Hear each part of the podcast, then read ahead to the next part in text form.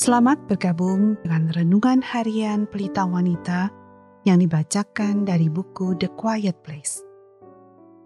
Pembacaan Alkitab hari ini diambil dari Mazmur 104 ayat 19 sampai 28. Engkau yang telah membuat bulan menjadi penentu waktu, matahari yang tahu akan saat terbenamnya apabila engkau mendatangkan gelap, maka hari pun malamlah.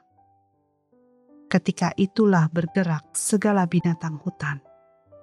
Singa-singa muda mengaum-ngaum akan mangsa dan menuntut makanannya dari Allah.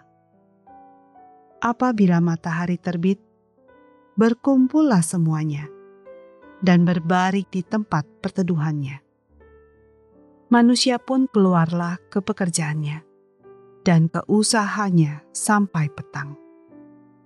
Betapa banyak perbuatanmu ya Tuhan. Sekaliannya kau jadikan dengan kebijaksanaan. Bumi penuh dengan ciptaanmu. Lihatlah laut itu, besar dan luas wilayahnya. Di situ bergerak, tidak terbilang banyaknya binatang-binatang yang kecil dan besar. Di situ kapal-kapal berlayar dan lewiatan yang telah kau bentuk untuk bermain dengannya.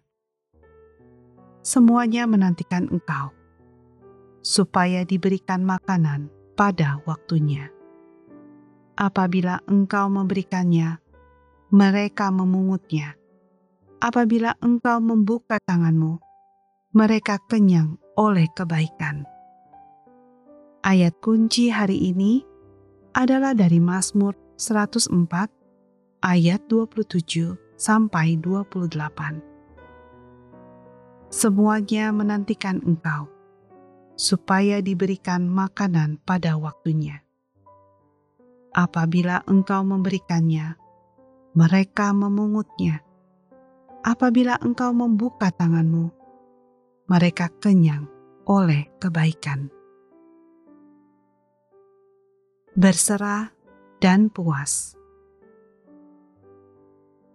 Dalam tindakan yang tercatat pertama kalinya dalam waktu dan ruang, Tuhan berbicara dengan otoritas dan kuasa, membawa terang, kehidupan, dan ketertiban di dalam kegelapan, kekosongan, dan kekacauan di alam semesta. Semua ciptaan, termasuk awalnya pria dan wanita pertama, hidup dalam kegembiraan dan sepenuh hati berserah kepada kedaulatan dan kehendaknya. Penyerahan diri ini tidak melucuti martabat atau kebebasan makhluk ciptaan. Sebaliknya, penyerahan yang terjadi di masa lalu dan yang terjadi saat ini merupakan sumber dan sarana kebebasan dan kepenuhan yang sejati. Allah Pencipta yang berdaulat memerintah atas ciptaannya dengan kasih yang lembut, mengundang makhluk ciptaannya untuk bersama Dia masuk dalam semacam tarian ilahi, di mana Dia memimpin dan ciptaannya mengikutinya. Pada gilirannya, kebutuhan mereka terpenuhi secara berlimpah. Mereka memenuhi tujuan yang ditetapkan oleh Sang Pencipta, dan mereka hidup selaras dengan Tuhan dan dengan satu sama lain. Mazmur 104 menggambarkan keadaan asli dan ideal ini. Kita melihat hierarki yang pasti dan tidak perlu dipertanyakan lagi di mana Allah bertindak, memulai, mengarahkan, menetapkan batasan, dan dengan penuh kasih mengatur ciptaannya. Dan sebagai tanggapan, ciptaannya memandang kepadanya, menantinya, tunduk di hadapannya, menyerahkan diri di bawah kendalinya, dan hanya melakukan apa yang dia perintahkan dan sebagai hasilnya, bumi kenyang dan mereka kenyang oleh kebaikan.